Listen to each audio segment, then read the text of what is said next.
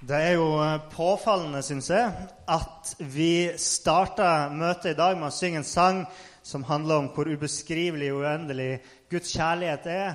Og vi hører innledning som handler om Guds kjærlighet. Og, og det er jo kanskje ikke overraskende i ei kirke å høre om Guds kjærlighet. Og det er jo kanskje ikke et uvanlig tema, men for meg så ble det litt sterkt fordi at temaet mitt i preken i dag er om radikal kjærlighet. Og det var ikke noe som vi har planlagt på forhånd, verken møteleder eller meg. Så det, det tar jeg som et tegn på at Gud er virksom. Eh, kan vi bare begynne å be litt? Grann? Himmelske Fare, jeg takker deg for at du er til stede sammen med oss. og og du rører ved oss her i dag. Du har allerede vært i, i bevegelse før vi starta møtet her med, med, å legge din kjærlighet på våre hjerter i dag. Så Eh, så la oss ta imot ditt ord med glede, Herre Far, din sannhet med glede, i Jesu navn. Amen. Ok. Så ja, det var nydelig vær ute i dag. Det var litt sånn vær det var en dag da ei mor var hjemme med ungene sine. Hun hadde en gutt på tolv år og ei jente på sju. Og mens mora var og holdt på med sitt, så sprang ungene rundt omkring og, og, lekte både her og der. og Til slutt så befant de seg i garasjen. Og I garasjen så kom de over en kasse med fyrverkeri. Og Hvis det er én ting en gutt på tolv år kan drømme om, så er det vel en kasse med fyrverkeri. Så gutten han tok med seg noen fyrstikker og denne kassen med fyrverkeri og sneik de forbi huset så mammaen ikke skulle se det. Og lillesøstera kom hakk i hæl. Og mens de gikk eh, ut mot skogen, så sa den lille jenta til storebroren sin Mamma har sagt at det ikke er lov til å leke med fyrverkeri.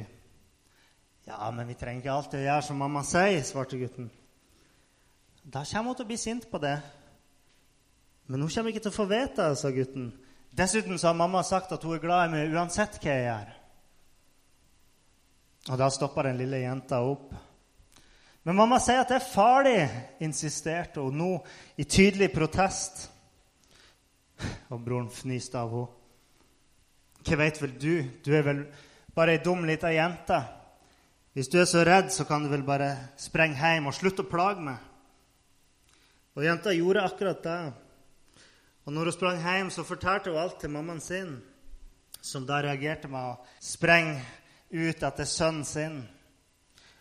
Og hun hørte et hyl, og når hun nådde fram til sønnen sin, så fant hun med ødelagte og forbrente hender. Og mammaen gråt, og hun løfta opp sønnen sin og gikk hjemover mot huset.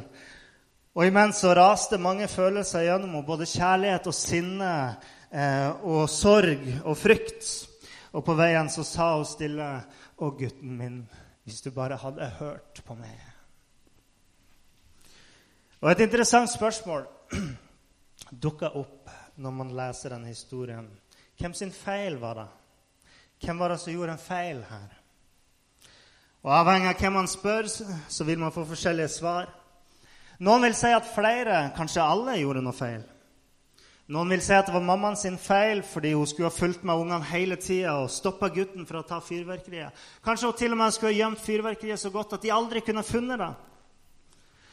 Andre vil si at det var gutten som tok feil, for han skulle aldri ha vært ulydig. Han skulle ha hørt på mammaen sin, så hadde alt gått bra. Og Selv om man kanskje ikke tenker at det er et alternativ, så er det noen i dag som vil si at det var jenta som gjorde en feil ved å blande seg inn i broren sine planer. Og Det er det her siste som er mest påfallende. For jeg vil tørre å si at de fleste av oss eh, tenker at eh, Og uten å nøle så vil vi si at jenta gjorde vel ingenting feil. Altså Intuitivt og helt i utgangspunktet så, så føler vi at eh, det den lille jenta gjorde, det var jo bare i kjærlighet for sin bror og, og, omsorg for hans trygghet, og i respekt for sin mor og i tillit til at eh, det hun hadde sagt, var sant. Men likevel er det mange i dag som vil si at det jenta gjorde, eh, var feil. Hun skulle bare passe sine egne saker og hadde ingen rett til å dømme broren sin for å gjøre det han gjorde. Og de her menneskene kaller det radikal kjærlighet. Å la mennesker være fri til å gjøre akkurat det de vil, eh, så lenge de ikke skader noen andre. Og de samme menneskene kaller det jenta gjorde, for hat. Jeg snakker selvsagt i bilder her, der mammaen er et bilde på, på Gud, som er en kjærlig far, og, og som elsker oss, og som eh, har åpenbart for oss hva som er godt for oss. Gutten er et bilde på et menneske som har gått seg vill, og som gjør opprør mot Gud. Og den lille jenta et bilde på en gudfryktig person som elsker sin neste, og som elsker Gud, og som derfor advarer gutten om konsekvensen av sitt opprør. Dere vet at vi, vi lever i en tid der sannheten har havna mer og mer i baksetet, og der mennesker velger sin egen sannhet. Eh, og det som er sant for det, er ikke nødvendigvis sant for meg, så la oss bare si at det er greit sånn. Et godt eksempel på dette er da en politisk talsperson uttalte vi støtter oss på alternative fakta. Og I min virkelighetsforståelse derimot, så er det bare fakta som er fakta, og det er ingen alternativ. Men det er det her som er årsaken til at når du treffer en venn, og du sier å, i det siste så har jeg opplevd Gud så sterkt, og, og han har vært så nær meg, og, og jeg bare får bekrefta min tro, så kan de si til deg Hei, så bra for det. Du har funnet din sannhet. Nå la meg finne min. Og pga. ideen om at vi alle kan velge hva som er sant, så dukker nettopp denne holdninga opp. Du skal ikke våge å presse dine meninger over på oss andre. Hold de for deg sjøl. Hvis du noen gang møter en person med den holdninga, og han spør deg f.eks. hva klokka er, så vet du jo hva du skal svare. Ja, Det våger jeg ikke å uttale meg om. Men hvis det finnes noen krefter som jobber imot Guds hensikt, hvilken genial plan og for et trekk det er å utslette ideen om sannhet for vår tro er vel bygd på fundamentet som er det her. At det finnes én vei til Gud, og bare én, og det er gjennom Jesus. At det finnes én sannhet som er sann for alle, og den finner vi i Jesus. At det finnes liv, evig liv, men bare i Jesus. Og tenk at en av de mest provoserende tingene vi kan gjøre i dag, det er å gjenta Jesu ord som han sa så mange ganger, og som er så enkelt som det her. Omvend dere. Jesus han viste oss det ultimate eksempelet på radikal kjærlighet gjennom sitt liv og sine ord og sine handlinger. Først ved at han gikk rundt og kalte mennesker til å vende om, midt i et samfunn som hadde en forhistorie med hundrevis av år med opprør og ulydighet til Gud. Og hvis du tenker at hva var det vel så, så radikalt med det? så kan du jo prøve å gå bort til noen og sette fingeren din på den synden de har i livet sitt, og si 'venn om', og se hvordan de reagerer. Jeg kan nesten love deg at de kommer ikke til å si 'Å, tusen takk for din kjærlige handling du gjorde mot meg nå'. Men Jesus han snakka sannhet inn i en verden full av løgn. Han var et lys i mørket, og han sa i Johannes kapittel 8, vers 32.: Dere skal kjenne sannheten, og sannheten skal gjøre dere fri. Og pga. de her ordene så ønsker de å drepe ham. Hvem var denne mannen som skulle fortelle dem sannheten? De ville ikke høre av det. Så når de tok han, så hengte de han på et kors for å dø.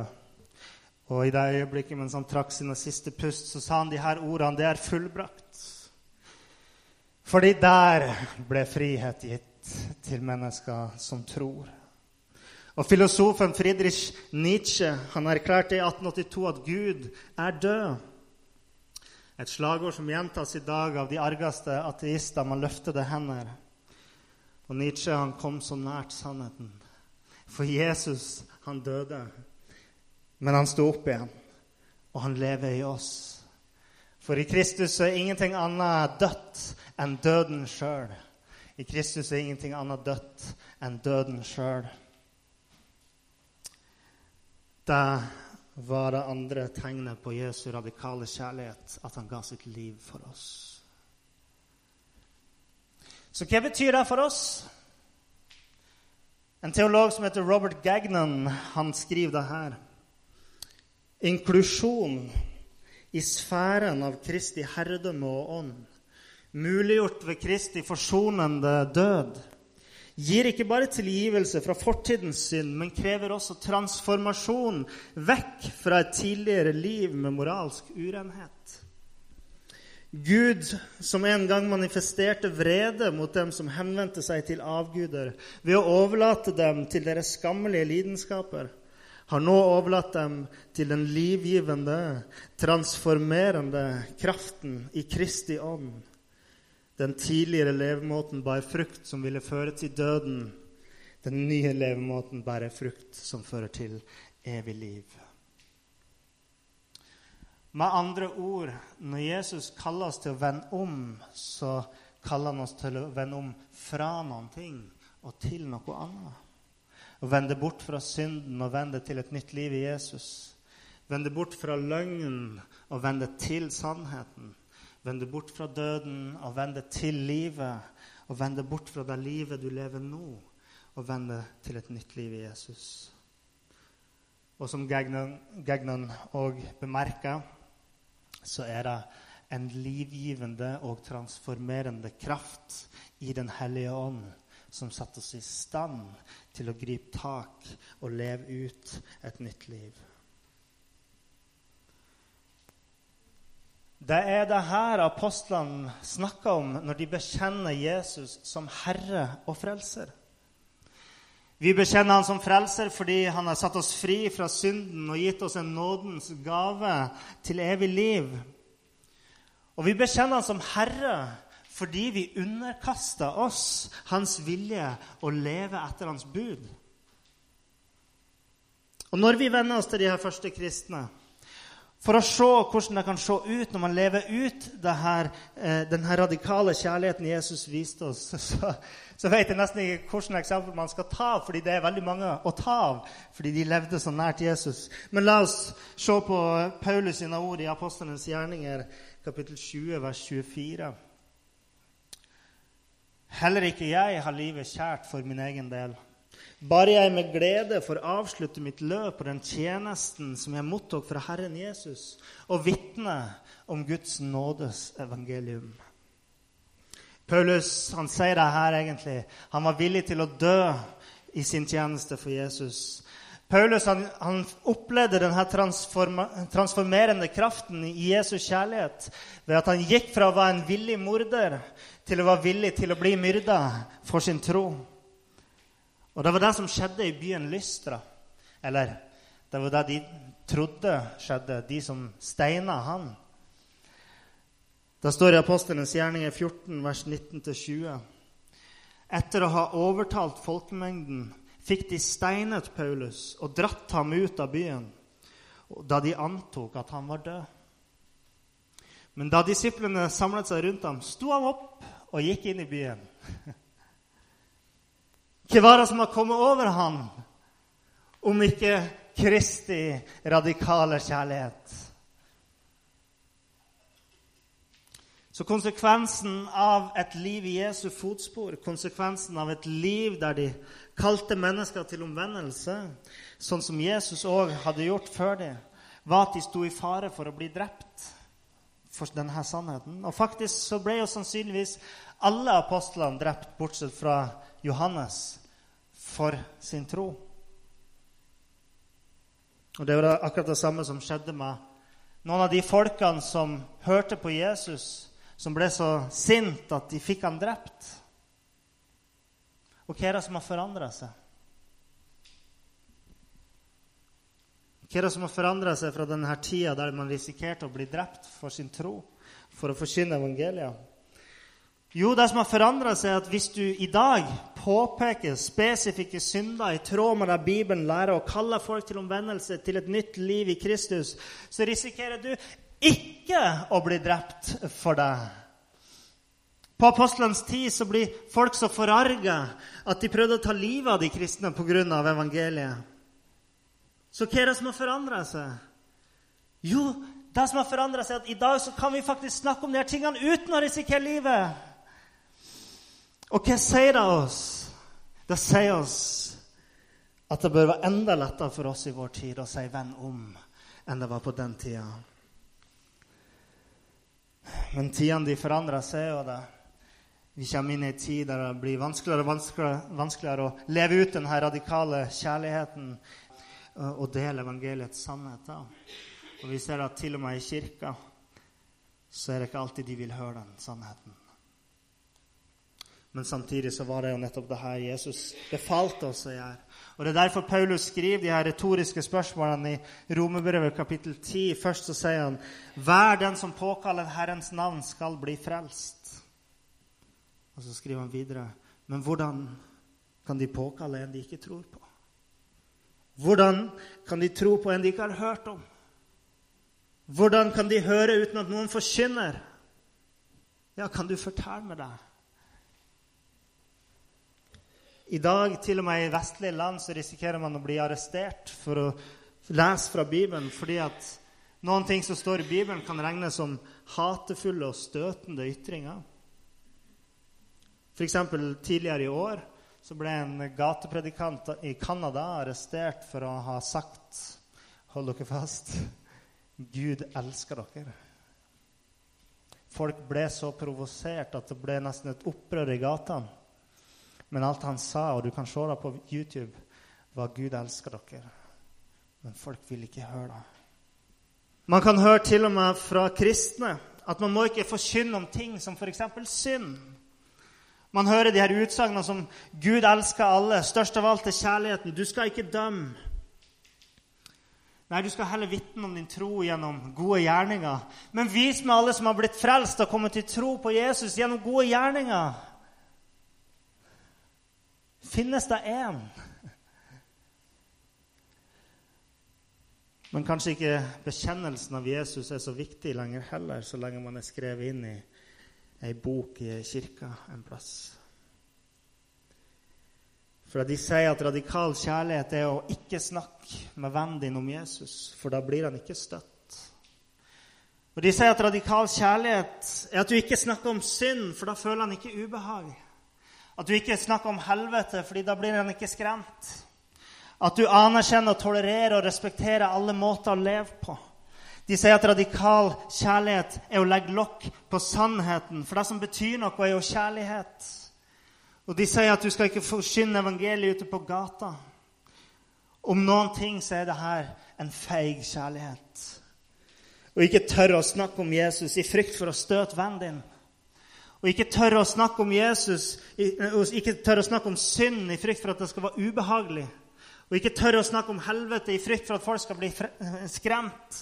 Og ikke tørre å gjøre noe annet enn å omfavne alle måter å leve på i frykt for å være motstrøms og gammeldags og ikke tør å forkynne evangeliet på gata i frykt for, å bli sett på som en raring, og ikke tør å stå på sannheten fordi du vet at Bibelens sannhet sier at det fins bare én vei til Gud, og den veien krever omvendelse. Og Det eneste som er radikalt med denne kjærligheten, er at man i det hele tatt kaller det kjærlighet. kan jeg fortelle dere om radikal kjærlighet i dag. Et av de mest siterte avsnittene i hele Bibelen er kjærlighetens høysang, som Paulus skriver i 1. Korinterbrev kapittel 13, der Paulus prøver å sette ord på hvilken kjærlighet vi skal forvente i menigheten. Og til og med den kjente ateistiske filosofen Michael Roose han sa at han brukte dette avsnittet når han via et par, et ektepar og han sa at han gjorde det eh, ikke fordi han tror, men fordi at dette er kanskje den vakreste beskrivelsen av kjærlighet som noensinne er skrevet. Og Paulus han skriver bl.a. det her. Kjærligheten er tålmodig, og den er vennlig. Kjærligheten er ikke misunnelig. Kjærligheten skryter ikke og er ikke oppblåst. Den oppfører seg ikke umoralsk, søker ikke sitt eget, lar seg ikke opphisse tenker ikke ut noe ondt. Den gleder seg ikke over urett, men gleder seg i sannheten. Har dere tenkt over det som står her? Har dere tenkt over at sjøl i dette vakre avsnittet om kjærlighet, som folk elsker å sitere, sjøl om de tror eller ikke, så er det et kall til å vende bort fra umoral, til å vende bort fra ondskap, til å vende bort fra urett, til å vende bort fra løgn og vende seg til sannheten. Fordi sånn er kjærligheten. Og hvis det er sant at i kjærligheten så må det finnes sannhet, i kjærligheten så må man glede seg over sannheten, så betyr det jo at en av alle de her såkalte sannhetene som folk tror på, faktisk er sann. En av de er faktisk sann. Og ekte kjærlighet gleder seg over akkurat den sannheten. Er det da hat eller kjærlighet å dele sannheten med mennesker? Jeg har lyst til å fortelle dere om radikal kjærlighet i dag, fordi Jesus har sagt at to bud i loven er større enn alle de andre. Det ene er at du skal elske Herren din Gud av hele ditt hjerte, av hele din sjel av all din forstand. Og det andre er at du skal elske din neste som deg sjøl. To bud som ofte blir brukt mot kristne som forsyner evangeliet. Men hvordan kan jeg elske Gud hvis jeg ikke holder Hans bud? Hvordan kan jeg elske Gud hvis jeg ikke lever etter Hans hensikt? Hvordan kan jeg elske min Gud hvis jeg ikke lever etter Hans kall til å forkynne evangeliet og gjøre folk til disipler? Hvordan kan jeg elske min Gud hvis jeg ikke tør å stå for sannheten? Hvordan kan jeg elske min neste og samtidig holde sannheten vekk fra han? Hvordan kan jeg elske min neste og la de leve i løgn? Hvordan kan jeg elske min neste uten å dele Jesu invitasjon til et nytt liv? Hvordan kan jeg elske min neste uten å advare han om at døden venter han hvis han ikke vender om? Hvis du har en venn som holder på å bli påkjørt av en lastebil, hva gjør du? Du ser at hun går ut i veien, og, og det kommer en trailer nedover og er på vei til å treffe henne. Hva gjør du? Du tar tak i henne, og du river henne ut av veien, til tross for at du risikerer å gi henne både blåmerker og nakkesleng. Forklar meg hvordan jeg kan la henne bli overkjørt og likevel kalle deg kjærlighet.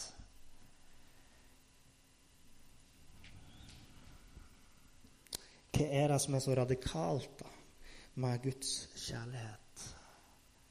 Jo, den er radikal ikke bare fordi den manifesterer seg i fullstendig sjøloppofrelse, men fordi den gleder seg i sannheten og ikke i ting av denne verden.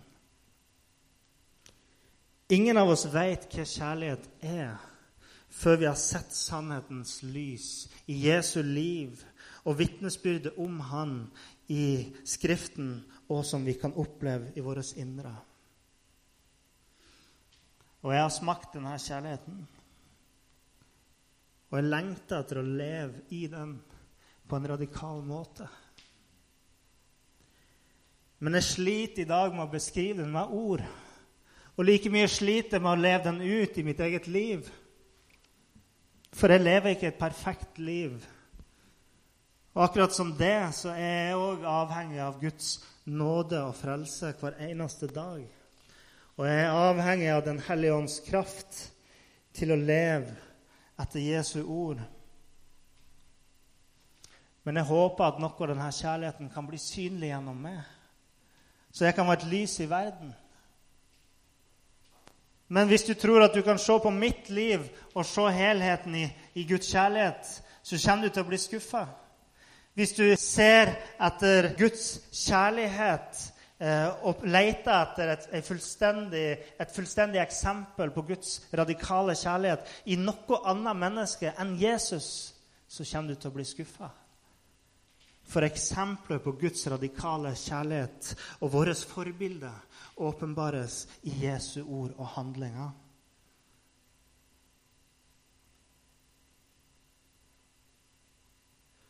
Men til tross for mine feil og mine svakheter så vil jeg aldri slutte å forkynne Guds sannhet. For sjøl om ikke jeg kan leve opp til den standarden han har satt for oss, så vet jeg at hans ord er sant. Og Jeg vil aldri slutte å forkynne Guds ord til en verden i nød, fordi det er nettopp det Guds kjærlighet driver oss til.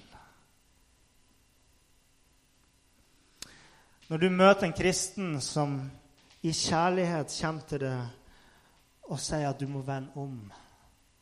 Det er ikke av hat eller fordi de ser ned på det, men det er av kjærlighet fordi de kjenner nød for det. Fordi den kristne han opplever at du skal få oppleve Guds kjærlighet og nåde og motta evig liv. Og jeg vet at å la Guds lys skinne inn i vårt liv kan være ubehagelig. Fordi det er så mye mørke i oss som alltid kjemper mot lyset. Men tenk på den lille jenta i den historien jeg begynte med, som ville stoppe broren sin. Og spør deg sjøl hater hun broren sin. Eller kan det være at hun faktisk elsker ham? Vi skal se en liten film.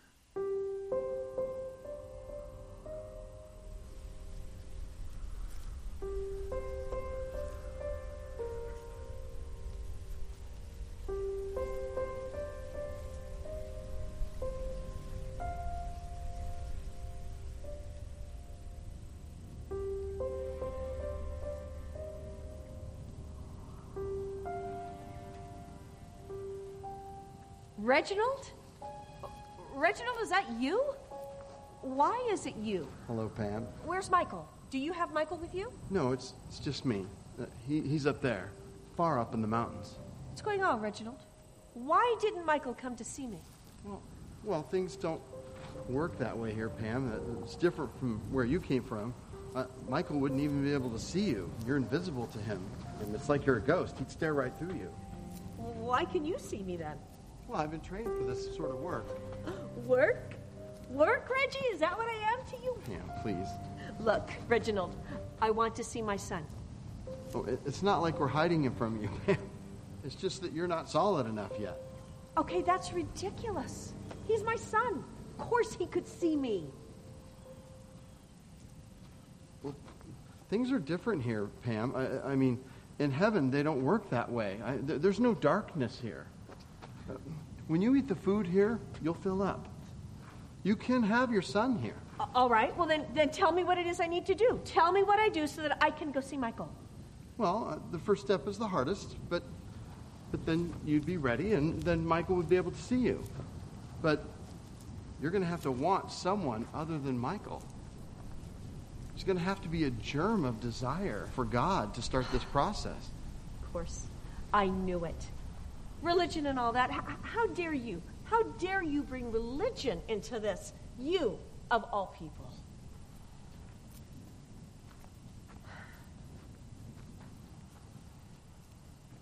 Fine.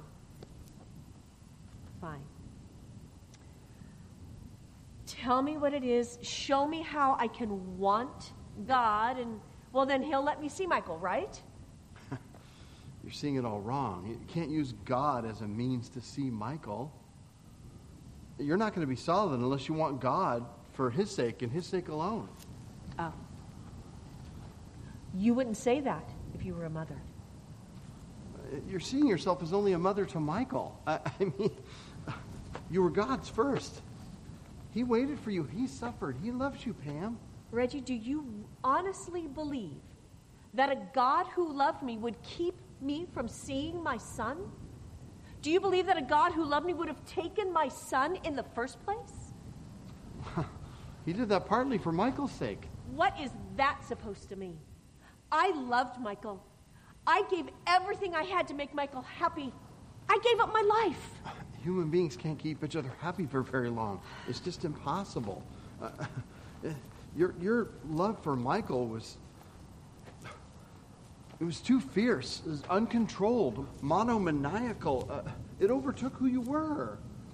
God had to take away that object of love so that out of the loneliness, maybe something beautiful could emerge. Reginald, you are cruel and evil.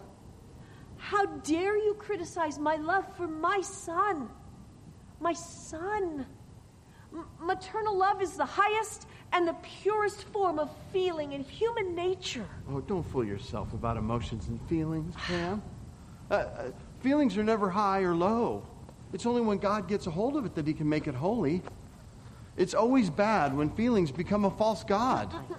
My feelings for Michael would have never been bad. Oh, I see. And from where you came from, hell, did they have their sons? Are they happy? They didn't love their sons like I love my Michael.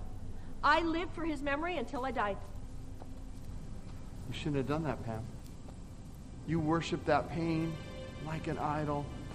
You made it horrible. You wouldn't even leave the house. Your husband and daughter were miserable. It's not like they weren't grieving as well. But oh no, it's all pain and suffering. Not even any good memories about Michael. Yeah, yeah, I know. uh, your pain and suffering. Yes, of course. Now it's all about me. It's all my fault. Everything I do is wrong according to you. Oh, exactly. I mean, we're all wrong. That's that's what we find out when we get here. It's all a big joke.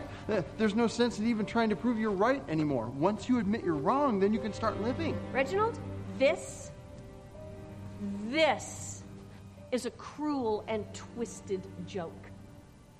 I don't care about the rules here. I don't care about a God that would keep a son from his mother. Nobody has the right to do that, not even your God. He is my son, mine. Yours? Yes, mine. You- didn't make it. Excuse me? Have you forgotten you didn't even want to have a baby? Who told you that? That's a lie. Besides, it's none of your business. I hate this place. I hate your religion. I hate your God. I despise your God. I believe in a God of love. Yet you don't even have enough love in your heart to forgive even your brother, or your husband, or your daughter. Oh, of course. Now it's all about you. Don't worry yourself And about I- it, Pam. you can't hurt me. You can't hurt anyone here.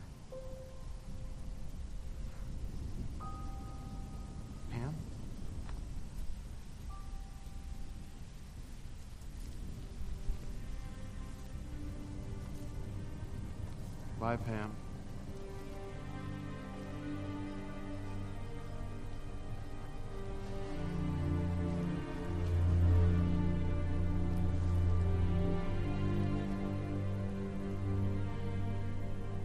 Det finnes en kjærlighet som overgår vår forståelse av hva kjærlighet er. Større enn den største kjærlighet vi kan tenke oss til sjøl til våre egne barn. Og noen av oss kan være blind for tanken om at kjærlighet kan være noe mer. Og man kan ende opp som denne kvinnen i samtalen mellom hun som kom fra helvete, og han som kom fra himmelen. Og hun ender opp med å holde fast på sine egne tanker. Men jeg vil gi deg valget her i dag om å ta imot Guds kjærlighet. Kanskje kjenner du at det er noe som rører seg inni deg i dag, denne formiddagen. Da kan du få lov til å, til å be en bønn her i dag, eller kom fram hit hvis du vil at vi skal be for det, og du kan få lov til å bøye kne for Gud. Men da kan du gjenta etter meg. Kjære Gud, du ser at jeg trenger det. Jeg vil ha det i mitt liv.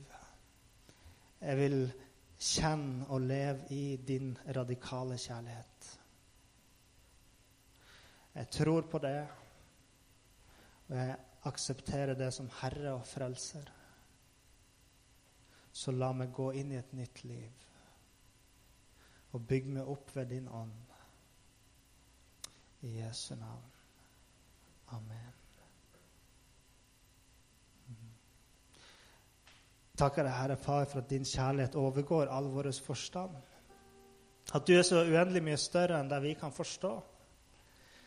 Og far, jeg takker deg for at du har gitt oss ditt mandat til å gå ut i verden og forkynne denne kjærligheten til mennesker, til tross for at en del av verden hater å høre om det. Mørket vil ikke ha lyset på seg, Herre. Men du har sendt oss til å være en stemme som roper i ødemarken. Ikke for å være, noen som går inn i en fruktbar jungel men å gå ut der det er tørke, og der det er tørst, og der ditt ord trengs, Herre Far. Og Far, jeg ber om at du gir oss frimodighet og du gir oss styrke til å tørre å stå i din sannhet og til, til å tørre å snakke, snakke din sannhet og forkynne ditt evangelium, Herre Far. For det er kun der, og takk Jesus, det er kun der vi finner vår frelse. Takk for at du har frelst oss og redda oss. Takk for din nåde, Herre Far. Vi priser ditt evige navn. Og vi takker deg, Herre Far. Og la oss lovsynge deg, Jesus.